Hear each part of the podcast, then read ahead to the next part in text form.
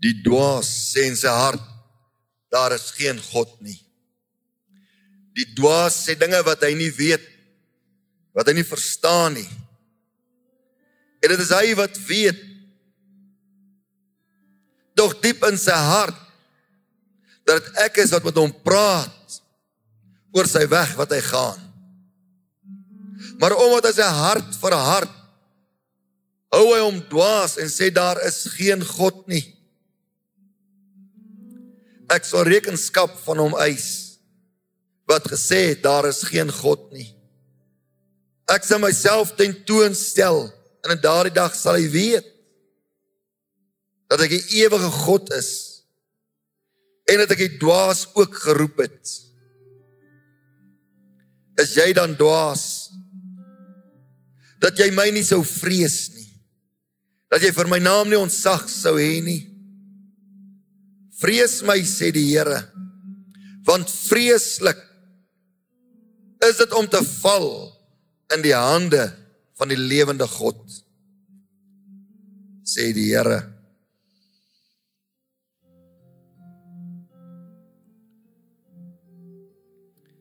Miskien sit jy vanmôre hier broer en suster en jy begin wonder waar is God? Pas op dat die duiwel nie vir jou sê dis alles net 'n storie nie, God bestaan nie. Miskien kom jy deur 'n lang lewenskrisis en vir jou voel dit of God nie 'n werklikheid is nie. Moenie die duiwel jou bedrieg nie. God is daar van ewigheid tot ewigheid is hy daar. Die koms van die Here is voor die deur. Ek weet jy het dit 'n paar keer al gehoor oor jare. Die lewe gaan soos 'n droom verby. En sy koms kan vir 'n mens wees deur die dood ook. 'n Mens skielik weggeruk word uit hierdie lewe uit. Laat ons opnuut vanmôre ons geloof bely in die Here. En sê Here, ons glo in U die ewige almagtige God. Jesus het gesê, sal daar nog geloof op die aarde wees wanneer ek terugkom? Baie mense se geloof gaan gaan vou. Baie gaan ophou glo en agter ander gode aanloop. Hulle gaan mislei word. Sal ons as gemeente vanmôre sê Here, ons is nie dwaas nie. Ons glo in God. Kom ons staan, ons sing ons lied saam. My hande hef ek op na U. Loof die Here. Ek kan nie sit plek neem baie dankie. Broers, so dankie aan die orkes. Ek het verlede week met u gesels, die Here het met ons gepraat oor die aanslag van die Satan in die laaste dae. Dis 'n baie belangrike boodskap. Kry gerus dat die boodskap indien nie hier kon wees nie. En vanmôre wil ek met u praat oor of wil die Here met ons praat oor innerlike stilstand. Innerlike stilstand. Kom ons blaai na 1 Konings 19 toe. Nou lees ons daar saam 1 Konings 19.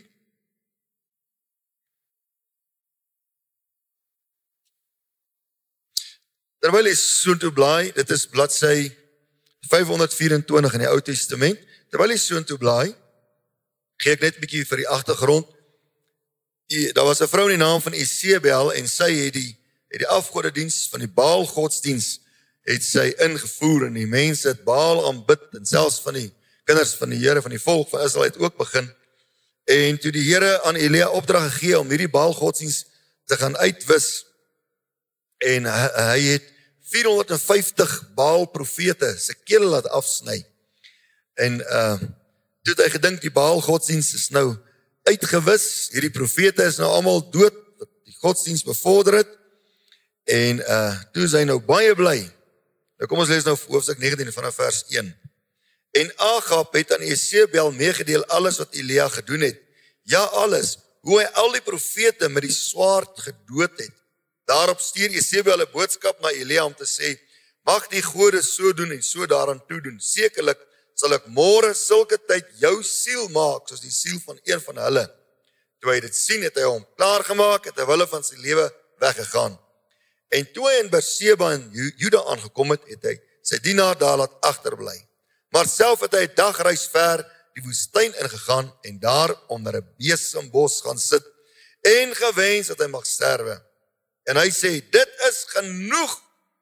Neem nou my siel weg, Here, want ek is nie beter as my vaders nie. Daarop gaan hy lê en raak onder 'n besembos aan die slaap en kyk daar raak 'n engel hom aan en sê vir hom: "Staan op, eet." Toe hy opkyk, was daar aan sy komponent 'n broodkoek op warm klippe gebak en 'n kruik water. En hy het geëet en gedrink en weer gaan lê. En die engel van die Here het weer vir die tweede maal gekom en hom aangeraak en gesê: "Staan op en eet, anders is die pad vir jou te veel." Hy het opgestaan en geëet en gedrink en deur die krag van die voedsel 40 dae en 40 nagte lank geloop tot by die berg van God Horeb. Daar het hy in 'n spelonk gegaan en 'n nag daar oorgebly. Kyk, die woord van die Here het tot hom gekom en vir hom gesê: "Wat maak jy hier, Elia?" En hy antwoord: Ek het baie geëiwer vir die Here, die God van die leerskare. Want die kinders van Israel het u verbond verlaat, u altare afgebreek en die profete met die swaard gedood, sodat ek alleen oorgebly het en hulle soek my lewe om dit weg te neem. En hy sê: "Gaan uit en staan op die berg voor die aangesig van die Here en kyk, die Here het verbygegaan." Terwyl 'n groot en sterk wind die berge skeur en die rotse verbreek voor die Here uit.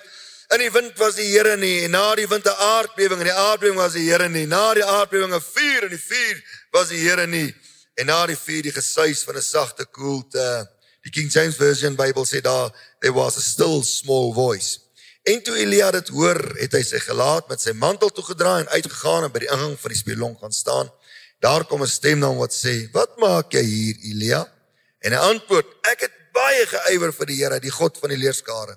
Want die kinders van Israel het hy verbond verlaat, hy altare afgebreek en die profete met die swaard gedood, sodat ek alleen oorgebly het en hulle soek my lewe om dit weg te neem." Maar die Here sê vir hom: "Gaan terug op jou pad na die woestyn van Damaskus en gaan heen en self as Saul as koning oor Aram." Net tot daar innerlike stilstand. Almal kan een of ander tyd in 'n lewe innerlike stilstand beleef. Elia het dit beleef. Elia se binnekant het net gaan staak. Sy binnekant het gesê: "Hier stop ek. Ek gaan nie verder nie." En dalk was u al daar, dalk is u op die oomblik daar dalk gaan hy nog daar kom. Jy kan my glo, jy gaan eendag van daai daar kom. Innerlike stilstand. Wanneer dinge in 'n mens se lewe gebeur wat jou absoluut tot innerlike stilstand ruk. Skielik is jy rigtingloos. Hier sit hy in die woestyn. Daar's nie jy verdwaal in die woestyn. Baie maklik. Jy raak rigtingloos wanneer jy tot innerlike stilstand kom. Jy raak ook doelloos Jy raak eensaam. 'n Mens tot skielike stilstand, stilstand kom vang 'n groot alleenheid vir jou. Jy beleef ongemotiveerdheid. Jy, wil nie, jy wil nie teruggaan op die pad waar jy was nie. Uh jy's ongemotiveerd. Jy's dobberend. Weet nie wat om te doen nie, weet nie waarna toe nie. Jy's gefrustreerd. Jy kan selfs op 'n plek kom soos Elia wat jy wens om dood te gaan. Hy het gesê dis genoeg, neem nou my lewe, dis genoeg. Jy kan by 'n plek kom wat jy sê dis genoeg. Ek het genoeg gehad. Was jy al daar? Dalk is jy nou daar. Dis genoeg. Ek het genoeg van die lewe gehad, genoeg probleme gehad, sorges en kwellinge en krisisse. Dis nou net mooi genoeg. Nou, kom ons kyk na 'n paar oorsake van innerlike stilstand. Die eerste ding is 'n mens kan innerlike stilstand bereik wanneer die vrag vir jou te swaar geword het. Ons mense is, kan hard werk. Afrikaan, Afrikaner mense is harde werkers. Nieu-Seeland en Kanada en daai plekke. O, hulle is te bly as Suid-Afrikaners daar wil kom werk, want ons is harde werkers. Ons het so groot geword. Die ou tannie het ook so gebid en die duiwel bestraf en sy sê hy is nou maar sleg werklik. Die duiwel is sleg. Daar's net een goeie ding van hom, hy het nie 'n leihaar op sy kop nie. Jy weet. Nou ons mense so Afrikaners, Suid-Afrikaners, is nie lui mense nie. Ons is harde werkers, loyale werkers en ons is altyd bereid om nog meer te vat en nog meer vrag te vat en nog meer vrag te vat. Dink maar jou situasie by die werk. Ons is altyd bereid om die tweede myl saam te loop en sommer 'n derde myl ook saam te loop en nog 'n vierde myl ook saam te saam te loop, maar Hierdie Elia het 'n geweldige verantwoordelikheid op sy skouers gehad om die bal godsdiens uit te roei. Dis 'n geweldige verantwoordelikheid om daai klomp Baal profete om vir hulle ook, jy weet as jy net een persoon se keel afsny, jy groot probleem. Hy het 450 se keel laat afsny. Jy weet ons kan bly wees ons leef nie in die Ou Testamentiese tyd nie. God het nie na ons ons gevat nie, jong. As as uh, iemand oorspel gepleeg het, was hy sommer doodgegooi met klippe. Jy weet, sommer klaar. Uh uh as die Bybel sê eer jou vader en moeder sodat jy daar verleng kan word. Mense weet nie waar kom dit vandaan nie. As 'n pa gesukkel het met 'n seun en hy seun kom nie reg nie. Hy hou aan karring en karring en karring en bly rebels en bly met verkeerdhede en hy wil nie luister na die pa nie. Dan vat die pa hom na die priester toe. Dan laat vat die priester die seun buite kan die stadspoort en laat gooi die kind dood met klippe. Dis die Bybel sê, eer jou vader en moeder sodat jy goed kan gaan jy lank mag leef. Hoor jy dit? As jy as jy, as jy kinders sit vanmôre wat moeilik is met hulle ouers. Hoor wat hoor ek vir jou vertel. Hoe streng was God in die Ou Testament? Dan het hulle sommer so 'n kind gevat en hom doodgegooi met klippe. Die party ouers fantasieer nou. Ek tel dit op. Ek kry daai vibe. Ek kry daai vibe. ek sien hulle dink as net een klip my kind bietjie teen sy kop kan tref. Dit kan wakker skrik. Dis hoe streng God was. As iemand hom besig gehou het met witchcraft, moes hy doodgemaak word. Ook doodgegooi word met klippe. Dis verskriklik geweest. Maar broer en suster, wanneer die verantwoordelikheid baie swaar word vir 'n mens, kan jy tot innerlike stilstand kom. Dan kan jy by 'n plek kom van uitputting, van oormoegheid en uitputting laat jou wegskram van verantwoordelikheid. Dat jy sê jy, jy soek nie meer die verantwoordelikheid nie. Jy jy het genoeg gehad. Jy wil dit nie meer hê nie, want verantwoordelikheid bring ons nou maar spanning ook mee. En hoe meer verantwoordelikhede, hoe meer werk jy het, hoe meer groter word word die spanning. En dan dan gee mense binnekant in. Jy kom tot innerlike stilstand. Baie jare gelede in 'n vorige gemeente was daar 'n man en vrou. Albei die vrou het twee besighede gehad. Die man het 'n besigheid gehad. Die man was 'n sterk drinker gewees voor sy bekering na sy bekering het hy toe 'n opgehou drink en die Here gedien en binne 2 jaar of wat toe gaan sy besigheid en gronde toe begin hierdie man weer drink van voor af En hy sit bedags by die huis en verknies hom oor sy sake. En hy onttrek net en sy vrou moet al die verantwoordelikheid vir die huis vat. En sy beter hy twee besighede nou uitbrei. En hierdie vrou neem net meer en meer verantwoordelikheid op haar skouers en meer vrag. En sy werk hard, sy werk hard. En eendag toe gee haar bene in. En nie balans in die hospitaal. Sy kan haar bene nie eers beweeg en sy kan haar tone nie roer nie. En hulle toetse gedoen op haar senuweestelsel en pas spiere en weet nie wat se toetse alles nie. Hulle kon nie 'n oorsaak vind hierdie vrou se bene het ingesê kan nie loop nie. En ek is daar by ek dink ek praat met die Here so in my in my hart. Ek sê Here, daar moet 'n oorsaak wees. Wys my wat se oorsaak. En die Here wys my. Die vrag het vader swaar geword. En die oomblik toe ek vir haar vertel hoekom haar bene nie meer wil loop nie. Sy wou nie meer die verantwoordelikheid dra nie. Dis asof haar verstand vir haar bene gesê het, "Hoop funksioneer, dan hoef jy nie langer die verantwoordelikheid te dra nie. Jy hoef nie, jy hoef nie eens besigheid toe te gaan nie, jy kan nie besighede toe gaan nie." Toe gee hy vrou se bene en die oomblik toe sy dit verstaan, dis sê ek nou goed, be, be, beweeg na jou bene in Jesus naam. Daar begin sy haar bene beweeg. Die volgende dag het sy ontslaan. Toe was dit net bloot 'n psigosomatiese ding wat daar gebeur het. Binnekant het sy tot stilstand gekom. Sy het gesê ek wil nie hierdie pad verder mee loop nie. Die, die verantwoordelikheid is te swaar, die vrag is te swaar, toe gee haar bene in. Wanneer die vrag te swaar word, kom mense soos hierdie vrouens soos Elia tot innerlike stilstand. Die tweede ding wat jou tot innerlike stilstand kan dwing is teleurstelling. Wanneer mense verwagtinge nie uitkom soos jy gehoop het dit gaan uitkom, is 'n mens baie teleurgestel. Elia het gedink of moes gedink het nou dat die Baal profete doodgemaak is, nou gaan die Baal godsdienst heeltemal stop. Isebel wat die Baal godsdienst ingevoer het, sy sal nou stil raak, sy sal ook bang wees nou en sy sal verdwyn soos mis voor die môre son. Toe gebeur dit teenoorgestelde. Sy sy stuur iemand sy sê ek gaan vir jou doodmaak soos jy my Baal profete doodgemaak het. Die ontsettende teleurstelling, as 'n mens teleurstelling beleef, verloor jy jou passie. As 'n mens teleurstelling beleef, verloor jy jou energie. Jy stel nie verder belang nie. Stel net nie verder belang nie. Wanneer jy hard geywer het. Hy sê mos hier, ek het hard geywer. As jy hard gewerk het en jy het alles ingesit en jy het daai sekere doel wat gehad want jy gestreef het en jy het gebou en jy het bevorder en jy het gewerk, jy het uitgesit vir die dinge. En aan die einde dag is jy se bitter teleurgestel, bitter teleurgestel. Ek meen dink dit hoe moet 'n ouer voel wat sy kind mooi groot maak. Hy word in die kerk groot. Hy maak groot met orde en dissipline in sy lewe. En die pa speel sy rol, sy moet. Die ma speel haar rol, sy moet. En daai kind hier gaan start 8, 9 op dwelms. Ek wil vir julle jong mense sê, nou laat jy dagga mag rook. Ek wil sê dis 'n dis 'n lelike ding daai. En nou gaan julle verstaan dat ek baie keer al gesê het, help nie jy rook en jy sê jou kind mag nie dwelms bring nie. Ek het altyd mos gesê rook is so goed is 'n dwelm. Nou wil jy vir jou kind vertel hy mag nie dwelms bring. Nou het hulle dagga gewettig.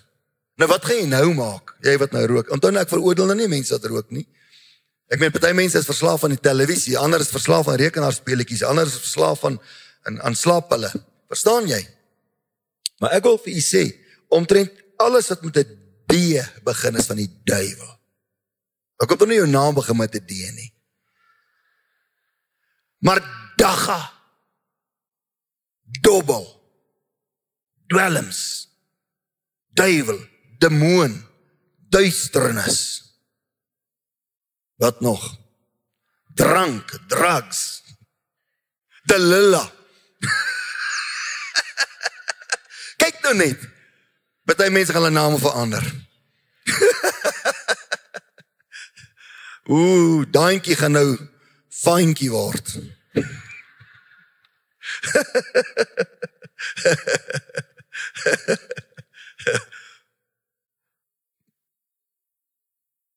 Dit moet 'n verskriklike teleurstelling wees as jou kind mooi groot maak.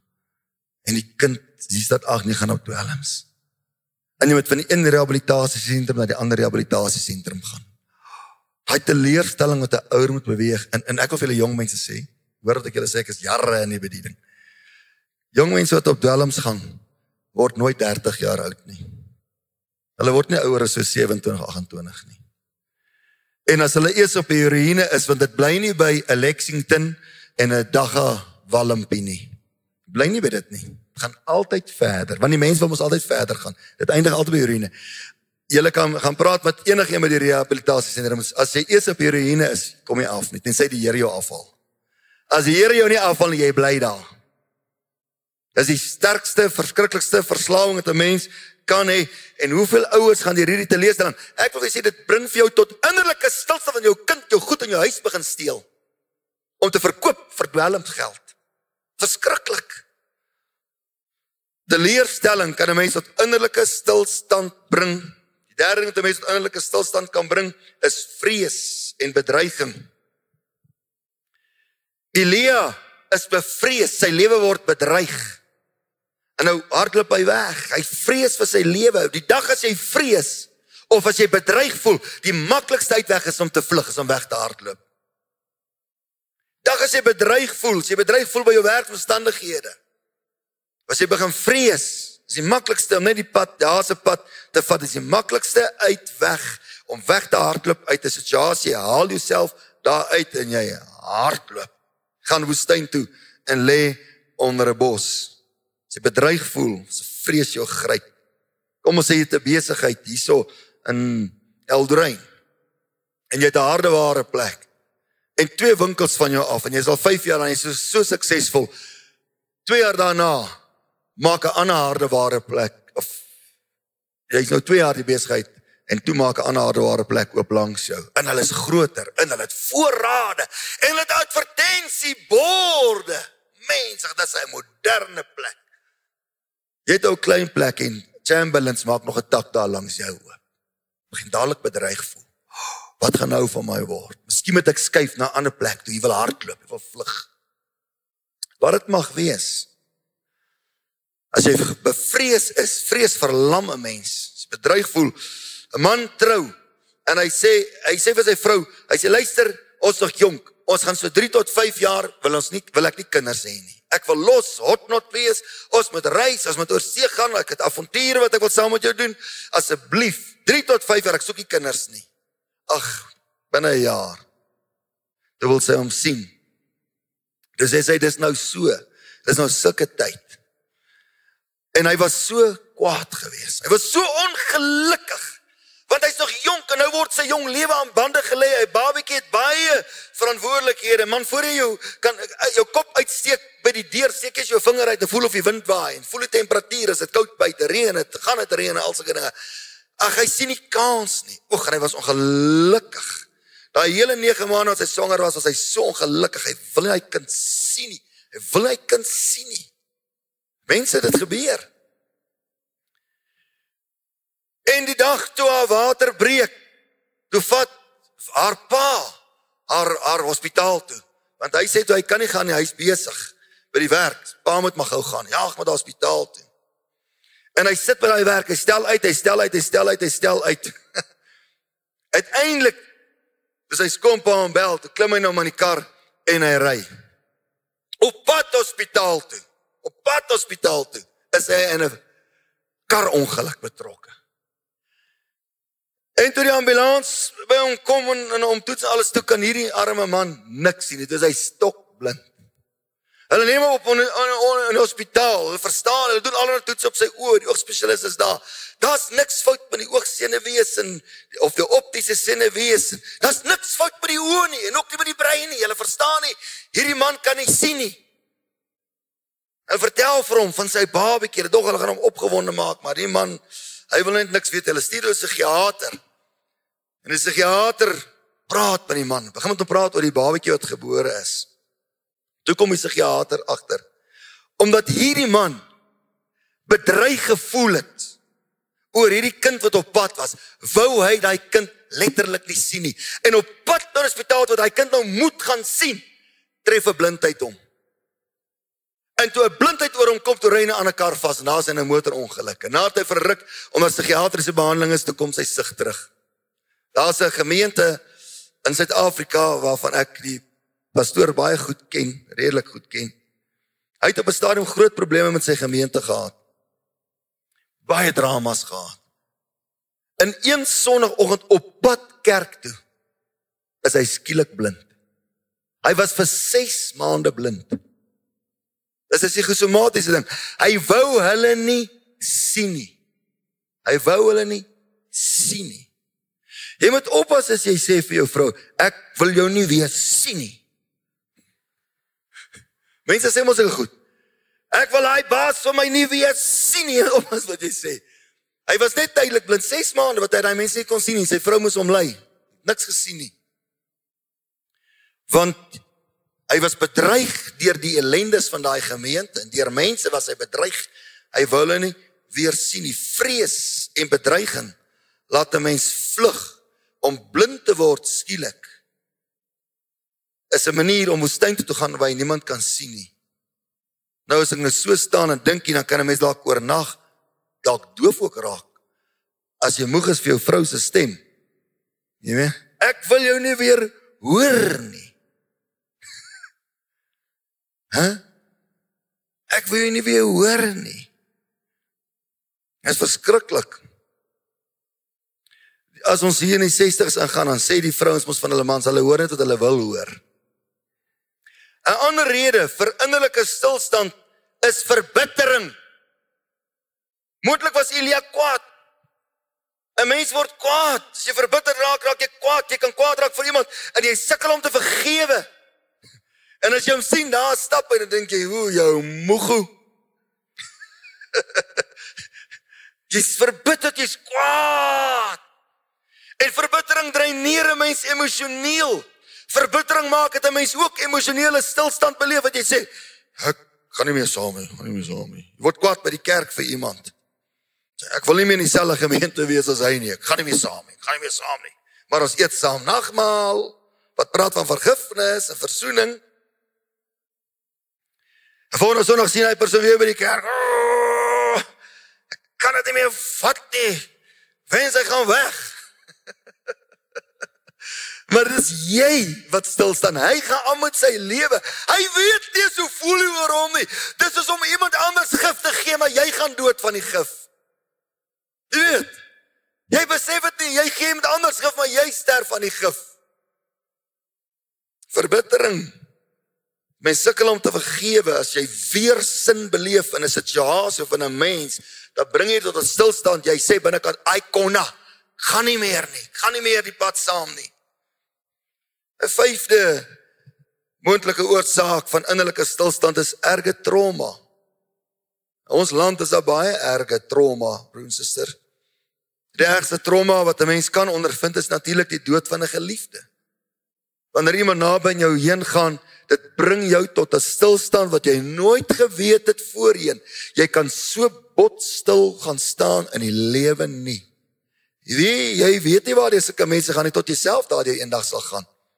Wat jy versla is na rondloop in die huis. As jy jou vind dan sit jy. As jy vind dan staan jy voor die yskas. Jy's nie eens honger nie. As jy jou vind dan staan jy in die motorhuis. As jy jou vind dan staan jy op die sypaadjie. As jy jou vind dan knip jy jouself dan vra jy is is my man my vrou wie ook al nou regtig dood. As jy vind, dan is jy weer terug in die kamer. Wie broer en suster, het jy al ooit jou probeer indink wat gaan iemand deur wat iemand verloor in die dood? Jy het geen idee nie tot jouself daar gaan kom en ons gaan almal as die Here voor toe kom gaan ons almal daar kom. Ongelukkig. Dood van 'n geliefde ruk 'n mens tot stilstand. Dit is erge trauma, egskeiding, is erge trauma. As jy hoor jy het 'n ernstige siekte onderlede, jy sit jy's verslaa. Jy hoor jy dalk net soveel maande oor om te lewe. Jy wonder o, hoe moet jy met jou testament nou met jou kinders en jou vrou bespreek? Wat moet jy doen? Jy kan nie glo dit hierdie nuus nou net gehoor nie. As 'n mens 'n kind is en jy jonk is en gehoorskool dink jy nie hierdie dinge nie. As jy jonk is, dink jy nie dood nie. Jy dink ag jy gaan 80 of 70 of so word. Jy dink nie eens aan sulke dinge nie. Jy nie. Jy gaan na 'n begrafnis toe ouma is dood. Jy weet nie oupa se lewe tot stilstand gekom. Jy besef nie waar hy gaan nie. Broer en suster, ek vir u sê, jy het geen idee. Jy het geen idee wanneer die dood by jou huis kom stil staan nie. Dit is erge erge trauma wat jou tot stilstand bring. Elia was in die skaduwee van die dood. Al die Baal profete het laat dood. Nou word sy lewe bedreig. Hy gaan doodgemaak word en bring hom tot intense innerlike stilstand in sy lewe. Wat kan ek doen? Kom ons kom by die oplossing uit. Wat kan ek doen? As jy vanmôre hier sit en jy sê ek beleef 'n innerlike stilstand, wat kan ek doen? Nommer 1 evalueer die situasie. Jy moet jouself vra, hoekom voel jy dat jy voel dat jy voel jy wil nie op hierdie pad wat jy is meer aangaan nie. Evalueer dit, skryf dit neer. Hoekom voel ek soos wat ek voel? Wees eerlik daaroor. Ontdek die oorsake, skryf die oorsake neer. Want net as jy dit begin evalueer en begin neerskryf, dan begin dit immers voel of jy 'n bietjie beheer kry oor jou innerlike wêreld. Skryf hy oorsake neer. Nommer 2, ehm uh, vra jy vir jouself, wat kan ek doen daaraan? Jy het dit al geëvalueer nommer 1, nommer 2 vra jy vir jouself af, nou wat kan ek nou gaan doen daaraan? Ek wil verantwoordelikheid vat vir my situasie. Want broers, as jy tot innerlike stilstand gekom het, kan jy nie vir te lank so aangaan nie. Jy kan nie wanneer jy 'n plantjie plant en hy staan stil en as er 'n jaar wat verby is en hy staan nog steeds stil, hy groei nie, daar's nie beweging nie, beteken dit hy gaan dood. Ons moet verantwoordelikheid neem en iets daaraan doen en moet dit begin hanteer. Dis wat God wou hê. Hy stuur 'n engel twee keer. Praat die engel met hom. Die engel gee vir hom 'n broodkoek om te eet. Hy gee vir hom water. Uh en die Here praat met hom. Vra vir jouself, wat wat wat kan ek doen aan my situasie? Wat kan ek doen? Nommer 3. Wat jy moet vra is, wat het ek nodig? Wat het ek nodig? Baie keer doen 'n mens dinge wat jy nie nodig het nie. Jy moet doen wat jy nodig het wat vir jou gaan werk. Dit werk dalk nie vir ander een nie, maar dit wat jy wil doen gaan vir jou werk. Jy weet, dalk baie keer wil 'n mens van 'n pad af gaan en al wat jy nodig het is dalk net rus. Al wat jy nodig het is net 'n 'n Sabbatsrus, 'n Sabbatsweek, 'n Sabbatsmaand, 'n Sabbatsjaar. Al wat jy moet doen is dalk net dit. Dalk het jy so gegroef geraak dat jy net werk, werk, werk, dat wat jy nodig het is dalk 'n nuwe stokperdjie. Want ek het begin deur te gesê ons Suid-Afrikaners is harde werkers. Dalk moet jy stokperdjie begin. Weet jy dat huisvrouens is ook harde werkers. 'n Mens dink 'n huisvrou sit by die hele dag net in uh, eh, um, televisie kyk. Wel, daar is seker sulke treurige huisvrouens. Ek weet nie. Glo nie. Nie in ons land nie. Maar in elk geval, broers en susters, weet jy as jy net 'n stokperdjie begin, bring dit net nuwe energie, nuwe avontuur weer in 'n mens se lewe. Miskien het jy vriendskap nodig. Jy weet, baie min mense is betroubaar, maar is betroubare mense wat jy vriendskap kan hê. Miskien het jy mediese hulp nodig. Wanneer 'n vrou of 'n man deur hulle 'n middeljare gaan en hulle oorgangsjare in beweeg en die hormone die mekaar raak in die liggaam en die emosies die mekaar raak, dan dan beleef hulle ook dikwels 'n innerlike stilstand. Dat 'n mens dalk net 'n mediese hulp nodig. Dalk as jy depressief 'n bietjie mediese hulp kry. Maar bepaal jou behoeftes, soek na maniere om daai behoeftes te bevredig en jou net uit hierdie plek van stilstand uit uit te kry wat ek wil weer sê, dis 'n waarskuwing. As 'n mens te lank bly op die plek van stilstand, raak 'n mens onverantwoordelik, jy raak roekeloos. Jy gaan doodgaan daar. Miskien moet jy vir jouself afvra wat ek nodig. Stel nuwe doelwitte op. Sorg vir nuwe opwinding in jou lewe. Die vierde ding wat kan ek doen? Begin dien. Begin ander te dien. As 'n mens tot stilstand kom in jou innerlike wêreld, dan kyk 'n mens net heeltyd na jou eie wêreld en jy fokus op al jou verliese wat jy gehad het. Jy fokus op al jou probleme, jy fokus op jou alleenheid. Dit voel of niemand verstaan nie, niemand slaan nie. Ag, waarder jy gaan nie en dit is dis 'n aardige tyd in 'n mens se lewe. Maar die oomblik as jy ander begin dien, en ander begin troos, dan begin ondervind jy self troos. Die ander die oomblik as jy begin om ander mense te versterk, begin jy selfversterking beleef. Die oomblik as jy betrokke raak by ander mense se leed en se behoeftes, kom jy agter hulle het meer en groter behoeftes en leed as jy. Dan voel jy al klaar beter as jou saak. Maar broer en suster, deur ander te dien, onthou wat jy saai maar jy, as jy ander dien met positiewe goed, dit keer terug na jouself. Dit bring self innerlike krag en versterking en stabiliteit. En nommer 5.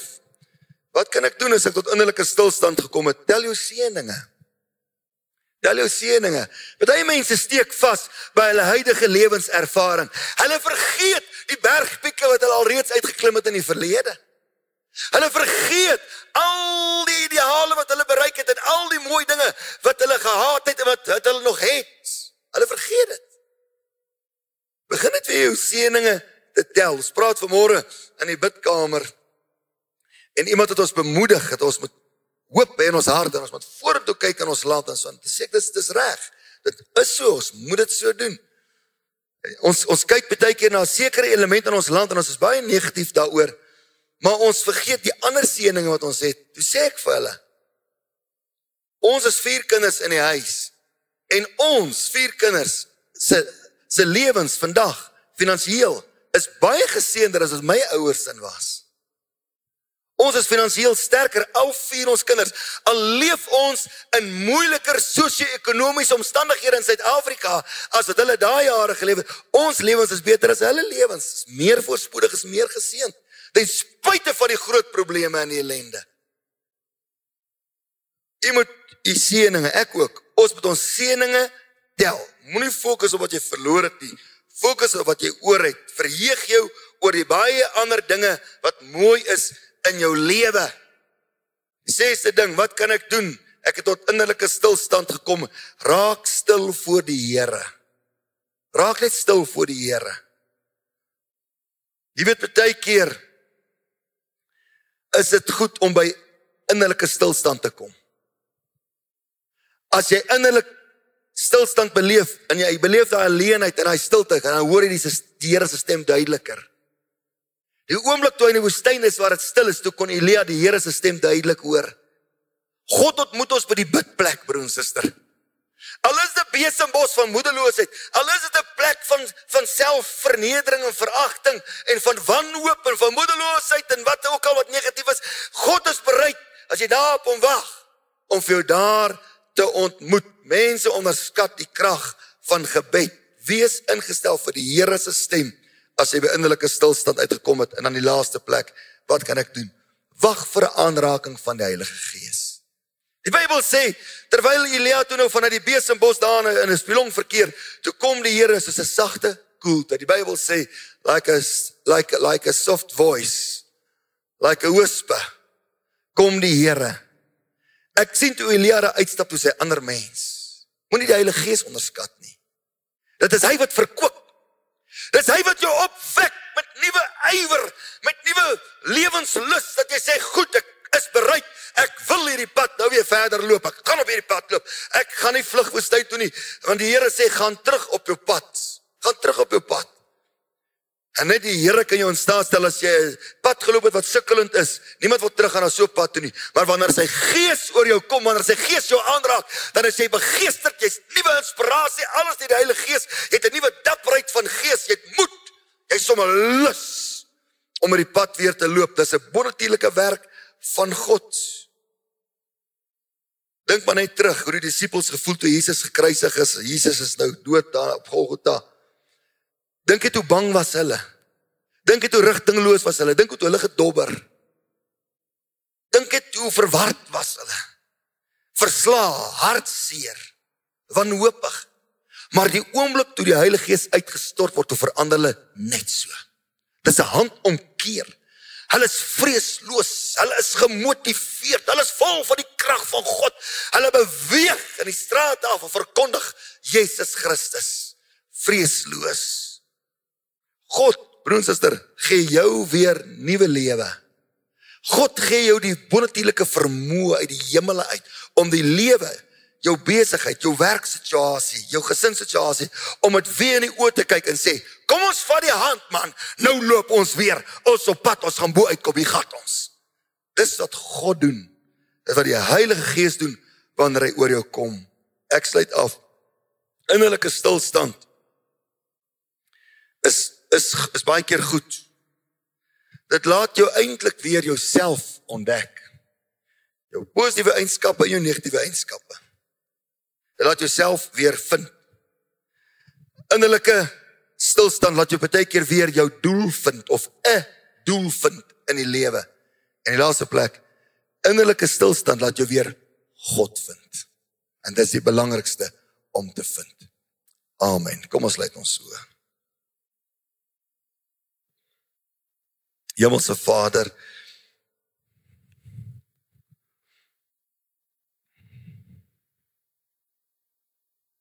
Dankie dat u woord so ryk is.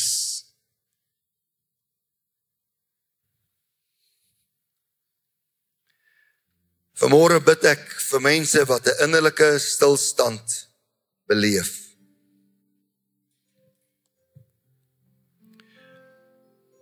Here en het met soveel deernis en liefde met ons gepraat vanmôre. Terwyl jy toe is, broer en suster, wat is dit wat jou tot innerlike stilstand gebring het? Is dit dalk skielike lewensveranderings waar jy drasties by moet aanpas? Dit is vir jou baie moeilik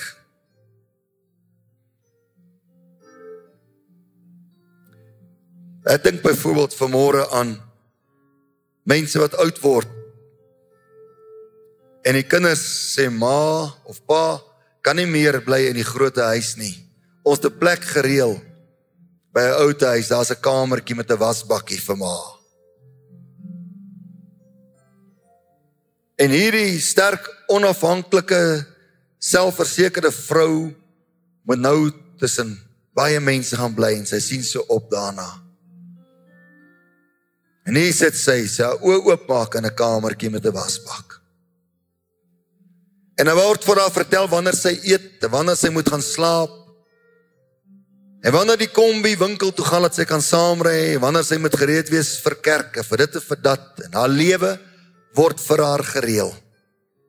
Wat is skielike lewensverandering?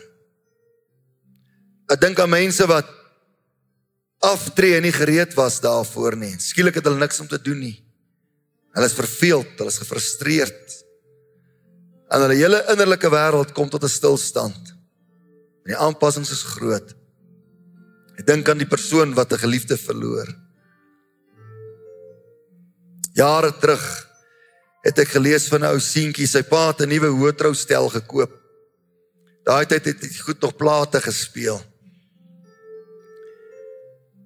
En toe die seentjie van die skool af kom, toe was hy ook net skieurig. Hy wil ook 'n plaat luister op pa se nuwe hoëtroustel.